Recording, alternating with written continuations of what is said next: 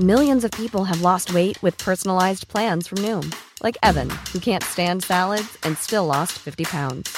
Salads, generally, for most people, are the easy button, right?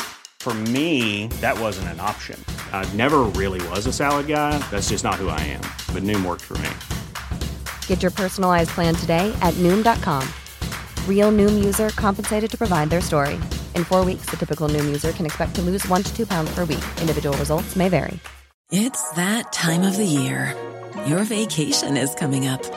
You can already hear the beach waves, feel the warm breeze, relax, and think about work.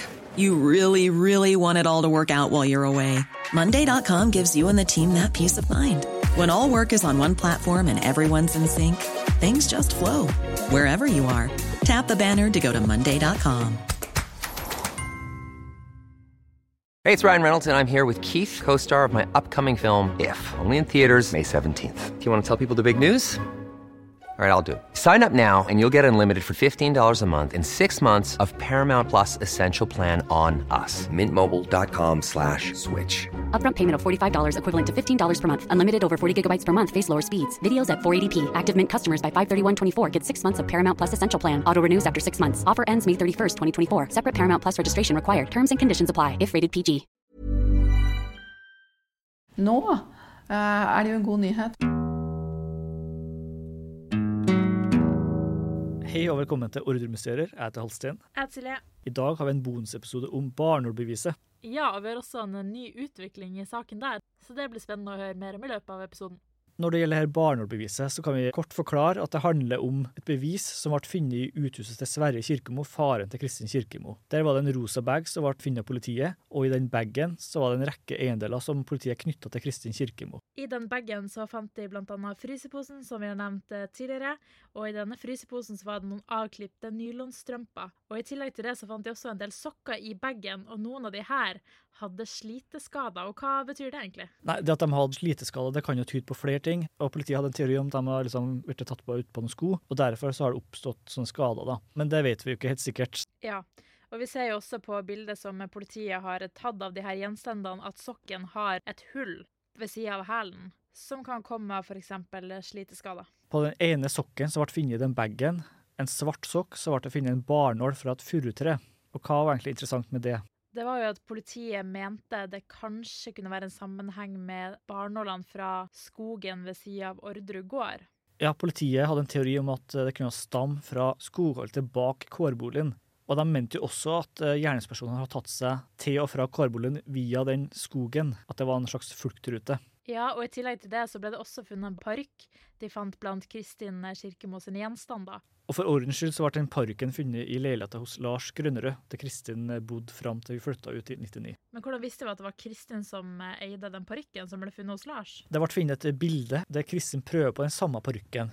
Hun sitter foran speil og har parykken på seg. På den parykken ble det funnet flere barnåler, som også tilhørte en furuskog. Så politiet ville jo undersøke om de kunne ha stam fra skogen bak kårboligen, og de fikk raskt konstatert fra noen bioingeniører at mange av trærne bak kårboligen kunne utelukkes, men det var snakk om at fire av trærne var aktuelle, at det kunne være en likhet. De ga utslag på seks av sju DNA-markører. Ja, men det var ikke nok til å konstatere at det var absolutt de trærne hun hadde vært i kontakt med? Nei, for etterforskninga skjedde under lagmannsrettens behandling av Orderud-saken, men da ville påtalemyndigheten avslutte prosjektet, og påtalemyndigheten mente at et treff her uansett ikke ville ha konstatert at Kristin var på åstedet drapsnatta, at det i beste fall bare ville ha bevist at hun var i skogen bak. Så de la vekk det prosjektet, rett og slett. Og forskerne som undersøkte barnålene, var bare tre til fire uker unna en endelig konklusjon. Og ifølge hennes forklaring i Eidsivating lagmannsrett, så ville hun da med stor sikkerhet kunne fastslå om de stammer fra åstedet eller ikke. Så det kunne eventuelt ha knytta Kristi kirkemål, eller den parken i hvert fall opp mot åstedet. Men påtalemyndigheten mente at det var for stor usikkerhet rundt betydninga av det her beviset. Fordi de var jo sikta for medvirkning til trippeldrap, og ikke for selve hovedhandlinga. Altså de var ikke sikta for å ha utført drapene. Men det at påtalemyndigheten ikke er mer interessert i å oppklare drapene bare fordi at de tiltalte er sikta for medvirkning, det syns jeg er bekymringsverdig rett og slett for rettssikkerheten. da, fordi at du står med en alvorlig straffesak som fortsatt er uoppklart, og så viser det seg at politiet og påtalemyndigheten ikke har gjort det de kan for å oppklare drapet. Det, nei, det kan ikke jeg forstå, altså. Det er jo ganske oppsiktsvekkende, eh, som du sier, at hun bare var noen uker fra å få svaret. Jeg tenker det er verdt å teste ut. Og det er jo også fordi Kristin har jo sjøl benektet at hun har vært i skogen der. Jeg tenker at det var verdt å fullføre det sporet der. Spesielt fordi de brukte mye tid på andre spor, men noen virka det som at de ja, bare valgte å legge litt bort. da. At ikke de så som så viktig og relevant som resten. Ja, for jeg tenker De må jo ha brukt noen ressurser på å sette i gang det prosjektet. da. Og at de ikke vil fullføre det, da vil liksom alt være nærmest bortkasta. Ja, og hvis det handler om penger og sånn, så ville det jo hatt en hensikt å bare bli ferdig med det, på en måte. Eller så hadde de jo brukt penger uten grunn, liksom. Ja, og når det gjelder pengebruken, så har de jo prioritert andre ting og brukt store ressurser på bl.a. 180-sporet, som selvfølgelig er riktig pengebruk. Og så har de brukt store ressurser på det såkalte skobeviset. Altså, de dro til skomessa i Italia og forskjellige steder i utlandet, som sikkert kosta masse penger. Men det barneprosjektet, da, som kanskje ville ha kosta toppen en million til sammen, det hadde de ikke råd til. Nei, det er jo ganske spesielt. De kunne jo kanskje venta til de ble ferdig med det, bare for, for sikkerhets skyld. Selvfølgelig, Det betyr jo ikke at hun var der drapsnatta, men det kunne likevel knytte henne til det området. da. Ja, for det interessante er det at Kristin benekter på det sterkeste at hun har vært bak den skogen. Hun sier at hun aldri har vært der. Så hvis du får et resultat som tilsier noe annet, at parken i hvert fall har vært der, så får jo Kristin et forklaringsproblem, da. Absolutt, da må i alle fall sannsynligvis kjenne til personen som har brukt parykken, hvis ikke hun sjøl har vært i skogen. Ja, for det er flere alternativer. Det ene er at hun har lånt bort parykken til noen som har vært der. Det andre er at hun har vært der ved en helt annen anledning, altså ikke under drapssaken, men en helt annen dag. Et tredje alternativ er at barnevernet har kommet til parykken i ettertid. Eller så må Kristin ha vært der sjøl drapsnatta. Det er jo i hvert fall mistenkelig hvis du finner bevis som stadfester at hun faktisk har vært på et sted hun har benekta å ha vært på. Men det Ja, kan jo skyldes en naturlig årsak, og at hun kanskje ville distansere seg fra saken og var redd for å bli implisert hvis hun innrømmer at hun var bak skogen noen uker før drapene, liksom. Det kan jo hende at hun har vært der, av ulike årsaker. Jeg skal ikke si at det var fordi at hun var der den natta, men det er jo ikke så rart at man er i området hvis man driver og hogger ved eller hjelper til på gården eller sånne ting, da. Leker med barnet sitt, ikke sant. Ja, det er ikke godt å si, men det er jo uansett merkelig da, hvis hun skulle hogge ved f.eks. i skogen bak Korbelin, at hun hadde med seg en parykk tilfeldigvis, da. Absolutt, men hvis hun hadde noen andre klær da, som hun la i den bagen, så er det jo ikke rart hvis barnåler havna i parykken. Hvis den lå i lag med flere ting. Ja, det kunne ha vært en naturlig forklaring. Men det blir jo bare spekulasjoner, og Kristin har jo ikke avgitt noen forklaring om det heller. altså. Nei, hun har jo som sagt benekta at uh, hun har noe med de barnålene å gjøre, og egentlig store deler av bagen sier hun vel sjøl at hun ikke husker uh, at det er hennes, da. Hun har vel sagt i ettertid at hun tok vare på mye rart da, i liksom rus og sånne ting, så hun sier jo at det kan være, men at hun ikke har noe kjennskap til det, og spesielt posen har hun jo benekta, da.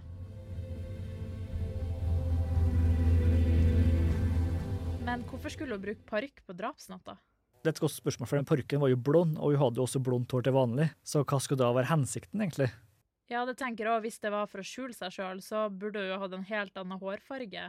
Ja, ikke sant? Tenker jeg smart. Den parykken var jo håret ikke vel ned til nakken cirka. Det kan man jo eventuelt sette i sammenheng med vitneobservasjonen ved Ekornstien, altså det boligfeltet til høyre for Ordre gård. For der var det en mann som så en kvinne den drapsnatta, og han mente at hun hadde blondt, halvlangt hår, som eventuelt kunne stemme med lengden på parykken. Ja, det er sant. Og vi vet jo at i gåten Orderud så prøvde jo Øystein Mille å gå eh, derifra, og han fant jo en plausibel fluktrute som man kan gå ganske enkelt uten å bli sett. Og hvis du går der, så havner du liksom rett ved Ordre gård. Da må du bare passere Ordreveien, som det heter, og da er du ved gården. Many of us have those stubborn pounds that seem impossible to lose, no matter how good we eat or how hard we work out. My solution is PlushCare. PlushCare is a leading telehealth provider with doctors who are there for you day and night to partner with you in your weight loss journey. They can prescribe FDA-approved weight loss medications like Wagovi and Zepbound for those who qualify.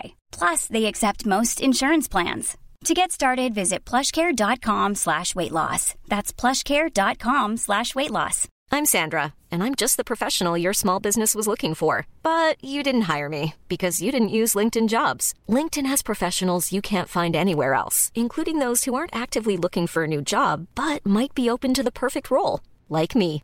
In a given month, over 70% of LinkedIn users don't visit other leading job sites. So if you're not looking on LinkedIn, you'll miss out on great candidates like Sandra. Start hiring professionals like a professional. Post your free job on linkedin.com/people today.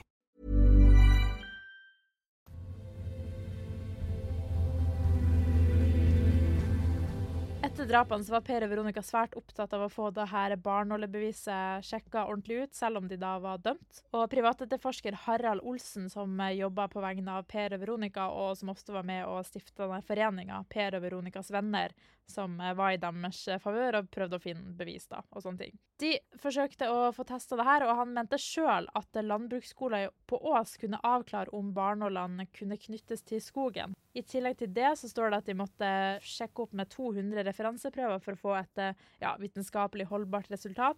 Videre sto det at det var Riksadvokaten som skulle avgjøre om påtalemyndigheten skulle få analysere det her barneholdssporet, eller om ekteparet skulle få lov til å betale for analysen.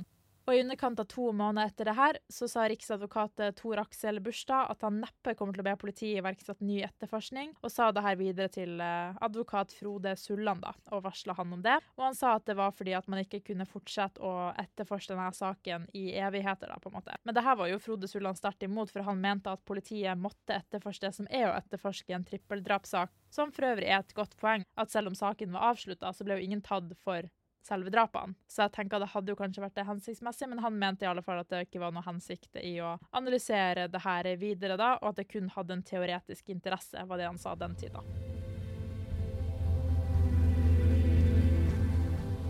Tre år senere, i 2006, så var det en ny utvikling i saken. Da fikk endelig Per og Veronica adgang til privat gransking av furunålene. Det bestemte Høyesteretts kjæremålsutvalg, og det var visstnok en lang kamp for å få gjenopptatt granskinga av disse bevisene. Det sa Frode Sulland, advokaten til Veronica Orderud, til NTB. Og Påtalemyndigheten og Kristin Kirkemos forsvarer satte seg imot at bevismaterialet skulle utleveres til privat gransking. Men uh, det er jo interessant at de satte seg såpass på bakfota og ikke var interessert. I 2009 så var det en britisk professor som eh, sjekka ut det her, og han fant et DNA-treff mellom en barnål som var på Kristin Kirkemos eh, parykk, og et tre bak kårboligen på Orderud gård. Men en uh, norsk forsker han var ikke helt enig i det her, og sa at funnet er interessant, men at det fortsatt må testes ytterligere 200 trær for å være helt sikker på at treffet ikke er tilfeldig. da. Så her er det jo to forskere som mener litt forskjellig, kan man jo si da. Og den norske forskeren sa jo også at undersøkelsen av 200 trær ville koste ca. 400 000 kroner, da, og at det har ikke Per og Veronica økonomi til å få gjennomført. Så de ba jo om at Kommisjonen for gjennomtakelse av straffesaker skulle gjennomføre en sånn undersøkelse. Og Det ble sendt inn i 2009, men eh, det har ikke blitt gjort foreløpig. Men nå er det en ny utvikling i saken om at kommisjonen har bestemt seg for å retestere barnålene. Ja, det er jo veldig spennende. Og så kan jeg legge til at informasjonen her den kommer fra Veronica Ordre sjøl, som vi nylig har intervjua. Ja, og her kommer et klipp av det. Disse biologene på oss sa at det var sannsynlig at de barnålene stammet fra området bak hårbolien, men eh, de trengte flere referanseprøver for å si om det var tilfelle, om det faktisk var det. Nå Eh, er det jo en god nyhet, for nå har jo kommisjonen faktisk bestemt seg for å reteste disse barnålene. Og nå har jo teknologien kommet mye lenger. Så nå trenger de visst ikke så mange referanseprøver lenger for å kunne uttale seg med mer sikkerhet. da. Veldig spennende det hun sier her. Så det gjør det kanskje litt lettere å faktisk eh, ta beslutninger om å Det gjør det lettere for kommisjonen å undersøke det her da, uten at det skal koste så forferdelig mye. Ja. Og det her er en helt ny utvikling i saken, som kommisjonen har beslutta ganske nylig. Ja, og spørsmålet er jo skal de gjennomføre det her uansett, eller kun hvis saken blir gjenopptatt? Nei, det skal gjennomføres uansett, ja. ja. Og Hvis vi går tilbake til en artikkel i TV 2 som ble skrevet i midten av juni, så hadde kommisjonen et møte der de skulle prate om både Baneheia-saken og ordresaken. Og I etterkant av det møtet så har det kommet fram at eh, de skal foreta nye eksterne undersøkelser i ordresaken. Det eneste som er litt dumt, er at de antyder at en beslutning vil drøye ytterligere. da. Ja, men jeg tenker også at det kan være positivt, for da virker det som at de sjekker ut ting ordentlig, da, og ikke tar det for gitt, på en måte. Ja, det tenker jeg, og her er det i hvert fall en god grunn til å utsette at de foretar nye undersøkelser som kan kaste mer lys over saken. Og hvis det blir treff på barnålene opp mot skogen bak huset, så vil jo det være et nytt moment, et nytt bevis i saken, som kan øke mulighetene for å få gjenopptatt saken. Absolutt. Og jeg tenker at hvis ikke det gir noe treff, så har de i alle fall gjort et grundig arbeid, og det er ganske beundringsverdig, da. Og Kommisjonens leder ville ikke uttale hvilke undersøkelser de skulle gjøre rent konkret, men ut ifra de opplysningene vi nå har fått, så er det nærliggende å tro at barnebeviset i hvert fall skal undersøkes. Og hvis de gjør et funn, så er det jo nesten positivt for deres del at funnet blir gjort nå og ikke i 2001. Ja, hvorfor mener du det? Jo, for jeg tenker at Riksadvokaten sa jo sjøl at eh, hvis det ble treff, så var det kun en teoretisk mulighet. At det uansett ikke knytta Kristin til drapene. fordi det uansett eh, bare var etterforska for eh, medvirkning til drap på øyeblikket, så hadde det blitt gjort et treff, så er det ikke sikkert at de hadde kobla det til åstedet eller drapsnatta. Men nå så kan det her faktisk bety at de kan få saken gjenopptatt. Så jeg tenker at det er jo, det er jo bra. Men hva tror du hvis det blir treff på barnålene opp mot skogen? Tror du de eventuelt kan ta ut en ny siktelse på Kristin Kirkemo for å ha gjennomført drapene? Det er ganske vanskelig å si. Det har jo gått veldig mange år, da. Hun fikk jo en straff, og jeg tenker jo at kanskje årene gir litt strafferabatt, men vi ser jo nå at Jan Helge Andersen, som eh, ble dømt for ett drap, kan bli dømt for to. Han er i alle fall sikta nå, og det blir gjort eh, nye undersøkelser der.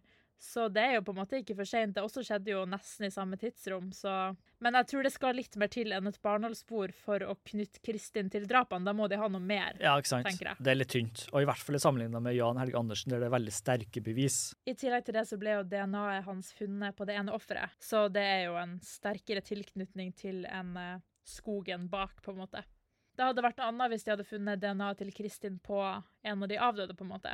Men det kan jo hende de sjekka opp hennes forklaring nærmere, eventuelt. Det kan jo være. Og det vil jo uansett ta til fordel for Per Veronica, da. Det tenker jeg også. De er jo, som vi vet, dømt til maksstraff, men Kristin, hun er jo ikke det. Hun fikk jo 16 års fengsel. Hun fikk strafferabatt fordi hun bidro til å oppklare saken, som det sto i dommen. da. Men dersom kristne skulle bli dømt for hovedhandlinga, så kan de jo i teorien øke straffen fra 16 til 21 år. Du har jo maksstraff i Norge på 21 års fengsel, så de kan jo dømme til ytterligere fem år i fengsel. Men det skal jo veldig mye til. Ja, jeg tenker i saken her så skal det veldig mye til. Hun har jo på en måte starta et helt nytt liv, og ikke vært involvert i noe kriminelt, så vidt jeg vet, i alle fall, eh, siden hun kom ut av fengselet. Så jeg tror det skal mye til for at de velger å dømme en person som på en måte har ja, gått eh, videre med livet, og at hun ble rehabilitert ganske fort, da. Ja, Hun ble rusfri i løpet av soninga og utdannet seg og fikk seg en jobb som verktøymaker da hun gikk ut av fengsel. Og vi skal på ingen måte mistenkeliggjøre Kristin for å ha vært med på utførelsen av drapene. Hun er jo dømt for Nei. medvirkning til drap, og der er bevisene som de er. Hun har innrømmet at hun har henta noe våpen Ja. fra Molde. Som sagt, det betyr jo ikke at hun blir knytta til drapene eh, hvis hun har vært i skogen. Men det er jo interessant at hun har benekta at hun har vært der, da, uansett. Så det viser jo det at hun sannsynligvis ikke har snakka sant om det punktet. Dersom det treffer, ja. Dersom det treffer, selvfølgelig. Og som jeg har vært inne på, så mener jo planteforskerne at det er sannsynlig at barneårene stammer derifra. Men eh, det er jo spennende. Vi har jo kommet eh, i 2023, så utviklinga, akkurat som DNA, går jo strak av veien, skulle jeg si. Så det blir spennende å se om eh, kanskje de kan finne nye ting som de ikke hadde funnet for 20 år siden. Ja, og da er det bra de har tatt vare på de bevisene, da.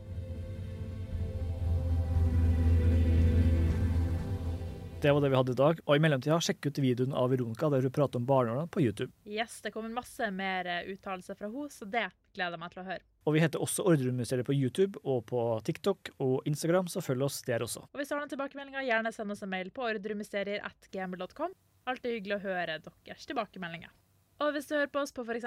Spotify, så kan du klikke på en bjelle, så får du varsel hver gang vi legger ut ny episode. Og nå har vi også kommet på Apple Podcast, hvis dere foretrekker å bruke det istedenfor. Ja, så her er det bare å ta i bruk sin eh, favorittplattform. Tusen takk for at eh, dere har hørt på. Vi høres i neste episode. Ha det bra! Ha det bra.